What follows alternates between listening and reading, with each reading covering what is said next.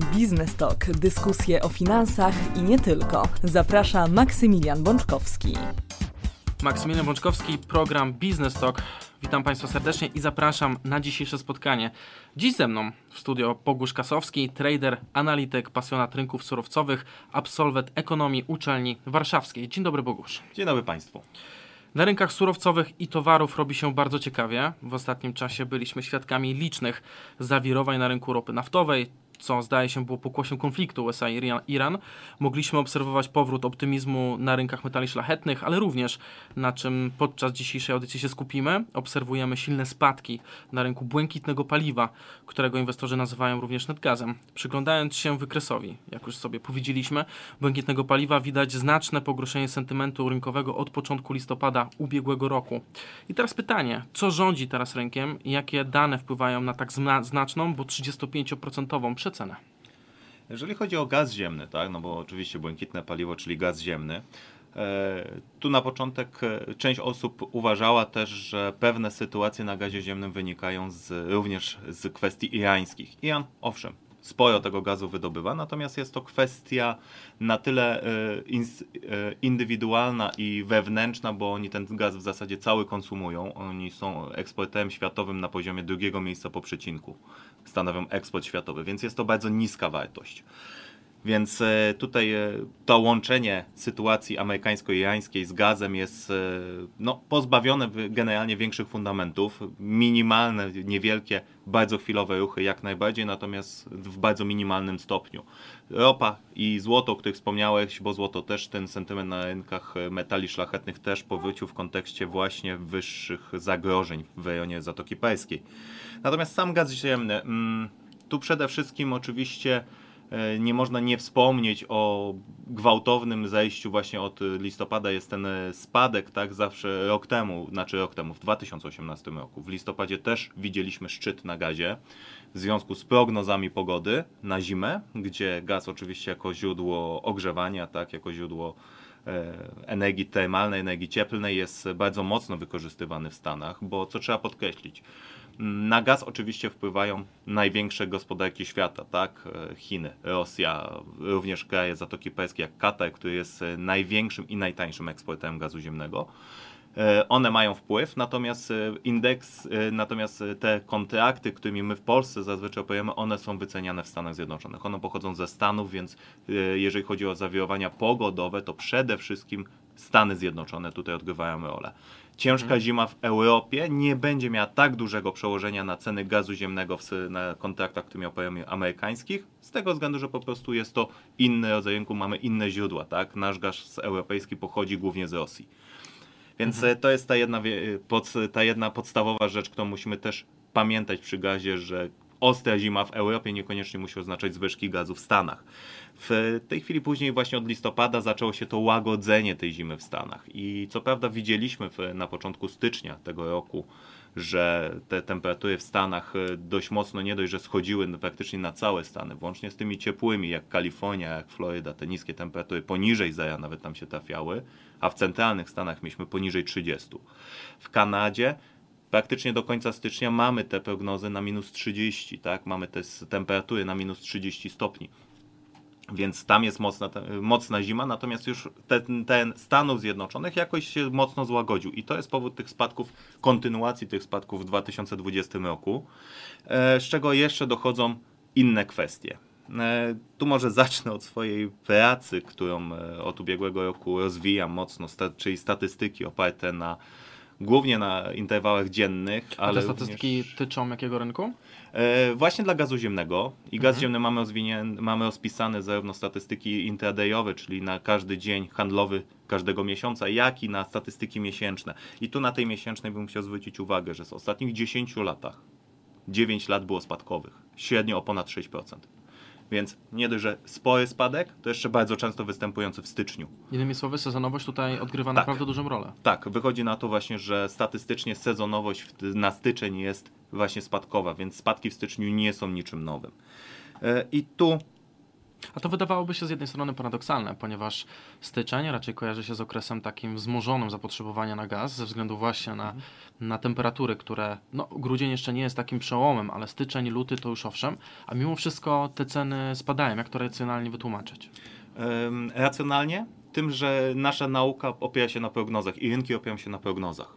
I tu pogoda właśnie odgrywa olbrzymią rolę, bo my w lipcu mając prognozy, czy w sierpniu, czy we wrześniu, czy w październiku prognozy na styczeń, luty, marzec, no one są rozsunięte w czasie. Mhm. I one rzadko kiedy tak długoterminowe prognozy, ile razy nam w Polsce zapowiadano w XXI wieku zimę stulecia. A 2019-2020 to jest taka zima, że w styczniu nie mamy śniegów w większości kraju, więc... No i na opartego moglibyśmy chodzić w niektórych e, rejonach w bluzie ponieważ mamy w grudniu po 8, widziałem po gościa w krótkich spodenkach w Warszawie, więc, więc no tako, tako, takie mamy temperatury, więc o to właśnie chodzi, że mm, prognozowano nam wielokrotnie ciężkie zimy, również na tą zimę nam prognozowano, że będzie dużo śniegu, dużo tego. Natomiast im bliżej jesteśmy tego okresu, jak już jesteśmy w tym okresie zimowym, te prognozy im są bliższe, tym są trafniejsze, tak?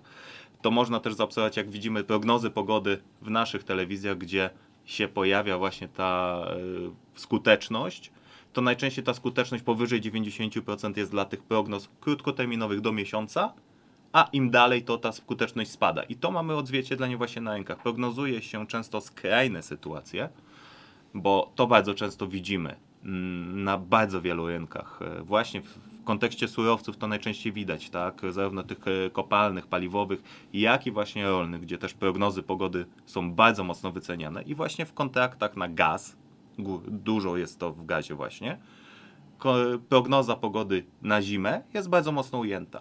Jeżeli teraz by ceny miały zacząć rosnąć, mimo że na przykład nie miałaby wrócić gwałtownie zima w Stanach, to będzie oznaczało, że prognozują gorące lato. No bo gaz oczywiście jest też paliwem energetycznym, wykorzystywanym e, w coś w około 30% w Stanach Zjednoczonych jako źródło prądu.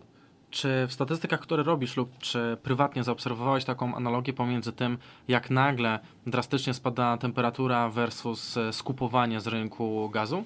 Czy to naprawdę jest taka dotkliwa, dotkliwa różnica? No bo weźmy na przykład e, nagłe wahania temperatury. Mamy aktualnie około 7 stopni i załóżmy, że nagle temperatura spada do minus 10, minus 15. Czy na rynku wtedy też zauważymy nagły mm, wzrost e, wykresu, czy raczej to będzie stonowane, czy te rezerwy, właśnie te rezerwy, jak wygląda wykupowanie rezerw, jeżeli chodzi o, mm, o surowiec? Rezerwy są mocne, rezerwy są e, duże i mamy też w Stanach, pamiętajmy, rekordową produkcję. I ta produkcja rekordowa też ma się zwiększyć, to za chwilę do tego przejdę. Natomiast odpowiadając do pytanie dotyczące pogody, jeżeli jest 7 i prognoza mówi, że ma być te 7 stopni przez najbliższe dwa tygodnie, a, w ciągu, a za 3 dni się nagle okaże, że wywaliło na minus 10, to tak, będziemy mieli wystrzał. Ale jeżeli będą prognozy, że mamy 7 przy tych cenach i że ta temperatura się zmniejsza, tak i te prognozy znamy od miesiąca, to to już nie będzie akcji na wykresie. Rynek też gazu kupuje prognozy, kupuje plotki. Yy, znaczy inwestuje na podstawie prognoz i plotek, a fakty są momentem realizacji zysku, więc w momencie, w którym mamy prognozę, że będzie minus 10, to to już raczej będzie w cenie. W tej chwili w Stanach no nie ma tych prognoz, żeby ta zima mocno wróciła. Mhm. E, prawdopodobnie, jeżeli by się miało coś zmienić, to się zmieni w prognozach na marzec, tak? bo już ten luty już jest w tym okresie, e, którym mamy tą prognozę w miarę pewną, w miarę wysoką skuteczność tej prognozy. Dopiero kolejne za miesiąc to ta prognoza będzie nam się zmieniała. Natomiast e, sprawdzanie po temperaturze e, to jest w tym momencie, by trzeba było sprawdzać właśnie prognozy bo sprawdzanie już po bieżącej temperaturze to jest taka bardzo bieżąca akcja i tylko w, no, jakie mamy anomalie pogodowe, które nam spychają temperaturę na przykład o 10 stopni. No tak, One to... są rzadkie, to są anomalie Dokładnie. nieprzewidywalne. Tak, ewentualnie wiadomo, jak na tych śmiesznych memach w internecie, tak, prognoza pogody w jakimś kraju, który zaczyna się stawiać Stanom Zjednoczonym, że w któregoś dnia temperatura skacze na 6000, bo Amerykanie atomówkę zrzucili. No tak. E, jeżeli chodzi o sezonowość, ponieważ wspomniałeś tutaj o temacie sezonowości, statystyk, że prowadzisz, przyglądasz się mm, temu, kiedy sezonowość wskazuje na to, że rynek faktycznie gazu może wzrastać, no bo o spadkach powiedzieliśmy sobie, to jest około stycznia. I to faktycznie zaobserwowaliśmy na początku stycznia spadek dość drastyczny, bo powyżej 2,20, mm, teraz mamy poniżej 1,80, 1,90 mamy teraz Poniżej cenę. dwójki po prostu tak, to już to, jest to... wystarczającym poziomem, e, żeby mówić, że jest nisko. E, no mhm. zwyżki najczęściej są po wakacjach, kiedy te prognozy już mają większą skuteczność, tak, statystyczną większą skuteczność, ale już są, jeszcze są na tyle odległe, tak, że mówię już październik, listopad, im wcześniej się zaczyna zima, to znaczy, że już wcześniej zaczną prognozować niskie temperatury we wrześniu, to już się zacznie ruch na cenie. Ale generalnie sierpień, wrzesień to są te momenty, w których ta cena najmocniej reaguje na prognozy, bo one już są w miarę wiarygodne, przynajmniej dla tego okresu na czwarty kwartał danego roku. Bo oczywiście już ten pierwszy kwartał też miała być ostrzejsza zima, Stąd też mieliśmy tutaj e, właśnie tą zwyżkę do październik, listopad. Zredukowano te prognozy, no i mamy efekt, jaki mamy. Natomiast tu jeszcze są oczywiście kwestie fundamentalne. Mamy szacunki Departamentu Energii Stanów Zjednoczonych, że produkcja i popyt będą rosły w 2020 i osiągną historyczne wartości, mhm. ale już w 2021 trochę spadną. Będą powyżej 2,19, ale poniżej 2,20. Mhm. Więc e, to też jest oczywiście czynnik negatywny, tak? Kupowanie plotek. Ciężko czasami wycenić, czy ważniejsza jest plotka na bieżący, na najbliższe 12 miesięcy, czy na najbliższe 24 miesiące. Ale coraz częściej, jak e, patrzę na te rynki, to coraz częściej widzę, że ludzie właśnie kupują już właśnie pod takie odległejsze wydarzenia. Mhm. Bo w teorii oczywiście to będzie więcej płacić, jeżeli się sprawdzi, tak? Druga rzecz, eksport gazu oczywiście będzie rósł, tak? To jest pozytywna wiadomość. Natomiast, e, bo mamy mieć e, w tym roku w Stanach 7,3 miliarda stóp sześciennych eksportu, w 2021 8,9 miliarda, a podskoczyli z, a w 2019 było 5,6, jeśli dobrze pamiętam, miliarda, mhm. więc to jest spora wartość, bo rośnie regularnie tak o te 2-3 miliardy. Jak jest, jak jest powód takiego podwyższenia produkcji? E, gaz łupkowy. Natomiast w tym momencie, jak mamy niskie ceny, też jest wysokie prawdopodobieństwo, że zacznie się redukcja odwiertów, tak, te najmniej rentowne ograniczą wydobycie, nie ma y, nowych odwiertów, zresztą to obserwujemy już dość mocno przecież y, w, na początku 2019 roku mieliśmy coś w okolicach ponad 800 czynnych odwiertów ropy i gazu w Stanach. Mhm. Na początku 2020 mamy tych odwiertów mniej niż 700. Więc jest to też spora różnica. Te mniejsze będą zamykane te niejętowne, więc będzie mniejsza podaż, więc prawdopodobnie te prognozy e, na produkcję w tym roku mogą być troszkę zredukowane, na przykład na koniec pierwszego kwartału i wtedy też będzie to impuls jakiś niewielki, żeby wzrosnąć.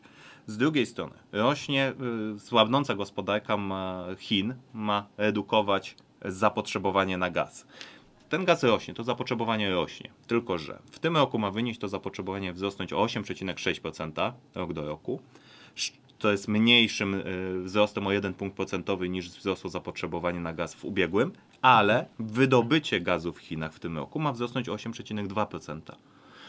Więc na upartego oczywiście Chiny stały już się pod koniec 2019 roku e, największym importerem gazu większym od Japonii, który dotychczas e, dzierżyło palmę pierwszeństwa w tym temacie, ale z drugiej strony właśnie jest ta informacja, że mogą mniej potrzebować, bo jednak zwiększają cały czas swoją produkcję. Więc prawdopodobnie utrzymają tą palmę pierwszeństwa w imporcie. Natomiast czy będzie to import ze Stanów? Sinopec pod koniec ubiegłego roku zaczął negocjacje na 20-letnią umowę importu gazu ze Stanów mhm. o wartości 16 miliardów dolarów na 20 lat ale w tym momencie zaczyna już ją e, ne renegocjować. W dużych e, wartościach. Tak, ale to jest e, i rozbitych w czasie, ale już zaczyna to renegocjować, ponieważ Katar, który jest e, najtańszym, jak wspomniałem, producentem gazu, znaczy ma najniższe koszty, zwiększa swoje zdolności eksportowe, tak? Powodem zwiększania zdolności eksportowych Stanów Zjednoczonych jest rozbudowa infrastruktury eksportowej ze względu właśnie na ewolucję łupkową. Stany by chciały więcej eksportować, tylko nie są w stanie, bo nie mają infrastruktury eksportowej, oni to wciąż rozbudowują. To jest proces rozłożony na lata. Mhm. Więc y, tu mamy te historyczne dane, które są tym problemem tak, dla Stanów. Oni nie mogą więcej eksportować. Chcą, nie mogą. E, Ros Chiny podpisały z Rosją nową umowę na transport gazu. Jest nowy rociąg syberyjski, który jest położony i on wpływa do Chin. Więc te wszystkie rzeczy ograniczają nam ceny gazu w Stanach tak? Bo to wiadomo, to jest mniejszy rynek zbytu dla Stanów. Zresztą pamiętajmy, że cały czas obowiązują taryfy na 25% wprowadzone podczas tak. wojny handlowej. No i ostatnia rzecz, e, wiele osób mówi, że gaz już jest tani. Ale tu nie trzeba się cofać do lat 90., gdzie faktycznie poniżej 2 dolarów za to MMBTU było ceną powiedzmy w miarę standardową. Tylko wystarczy się cofnąć 3 lata. W marcu 2016 mieliśmy low na poziomie 1,16. 1, e, przepraszam, 60. E, 1,61 dokładniej. To jest low z marca 2016 roku, raptem sprzed 3 lat. Więc już po ewolucji łupkowej, czy, czy też w trakcie, znaczy no po ewolucji łupkowej, która nam zwiększyła tutaj i ropę i gaz na rynkach światowych, już w momencie, w którym mamy e, masę algorytmów pracujących na rynkach, już no to jest sytuacja przed wojną handlową, więc tutaj wojna handlowa widać, że nie zepchnęła nam tych cen tak jak zrobiła to na przykład Aż tak bardzo. Mhm. Więc e, tutaj wojna handlowa nie przełożyła się jakoś mocno na te ceny gazu. Natomiast no oczywiście wcześniejsze low poniżej dzisiejszych poziomów, jakie mamy, poniżej tego powiedzmy 1,9, tak, tego poziomu styczniowego, e, to jest e, wcześniej to jest tylko 2001. To jest 1,76 wtedy. Więc widzimy, że w tym ostatnim okresie mieliśmy ceny niżej. To już jest fajna cena do kupna, e, poniżej 2 dolarów za MB MMBTU, bo tak jak mówię, są też koszty produkcji. Jak oni będą je redukować, żeby No właśnie, bo tutaj próg, produkcję. próg rentalności jest jakby bardzo ważnym czynnikiem, tak samo jak zresztą Tak. podczas ropy naftowej. Pamiętam swego czasu, kiedy ropa naftowa spadała tam do poziomu 50, 25-26 dolarów za baryłkę, to już w tym momencie wiele państw zaczęło ingerować i jakby pięścią w stół uderzała, Mhm. krzycząc, że ten próg rentowności jest e, zdecydowanie za wysoki w porównaniu do aktualnej ceny. Jak to wygląda, jeżeli chodzi o produkcję e, gazu, wydobycie? Znaczy, jeżeli chodzi o produkcję gazu, tu też y, gaz jest właśnie mocno konsumowany na miejscu. To wydobycie z łupków jest zazwyczaj właśnie tak jak w przypadku na przykład paladu i platyny w towarzystwie innych minerałów. Tu jest razem z ropą.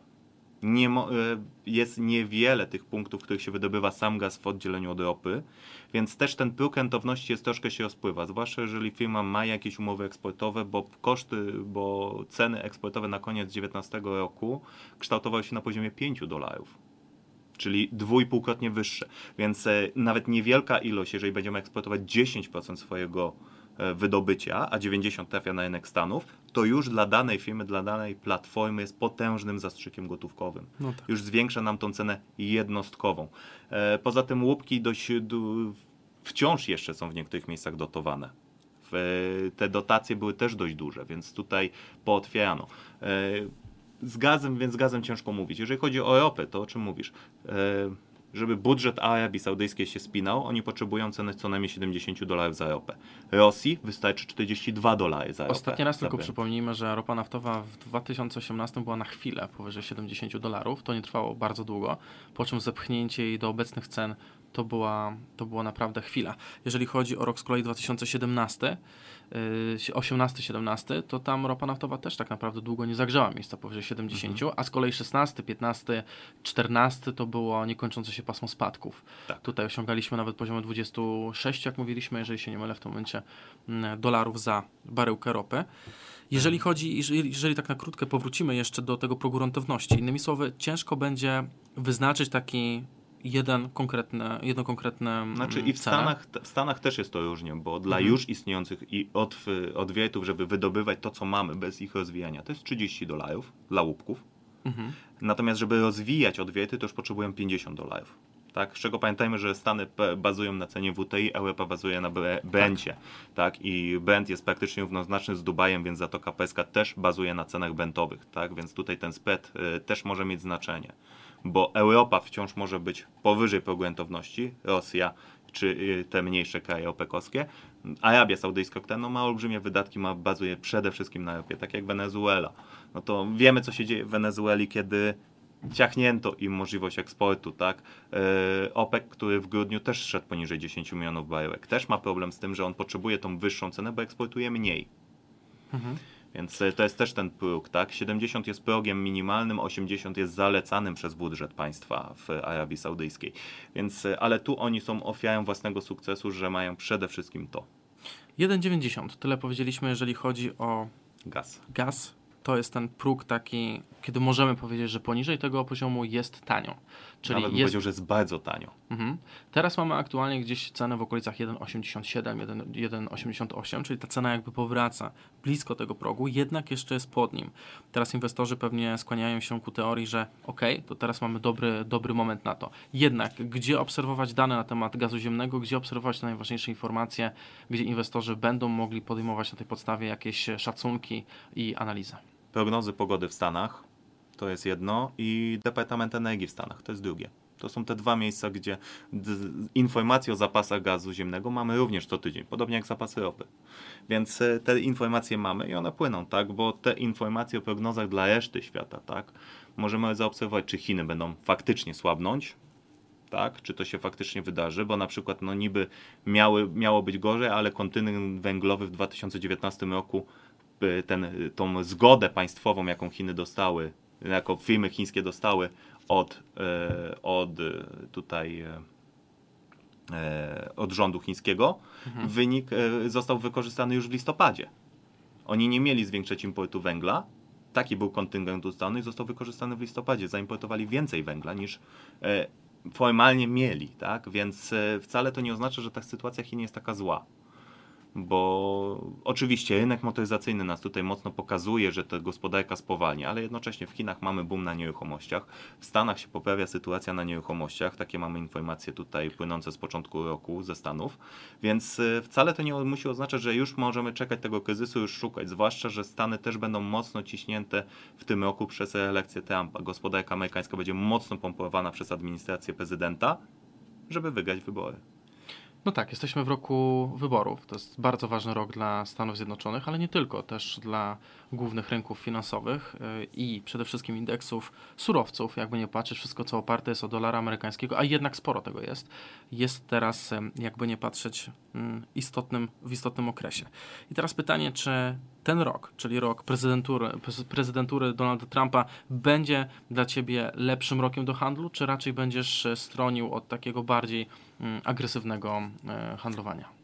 Powiem szczerze, tak jak mówię, Trump myślę, że będzie pompował, cisnął amerykańską gospodarkę tak na maksa. Czyli w dalszym ciągu nie Czyli widzisz... w dalszym ciągu będziemy mieli, możemy nawet agresywnie podchodzić, tylko że do longów na danych pozycjach. Mhm. Surowce też nie mogą być za tanie, bo wtedy amerykańskie firmy sobie nie będą radziły.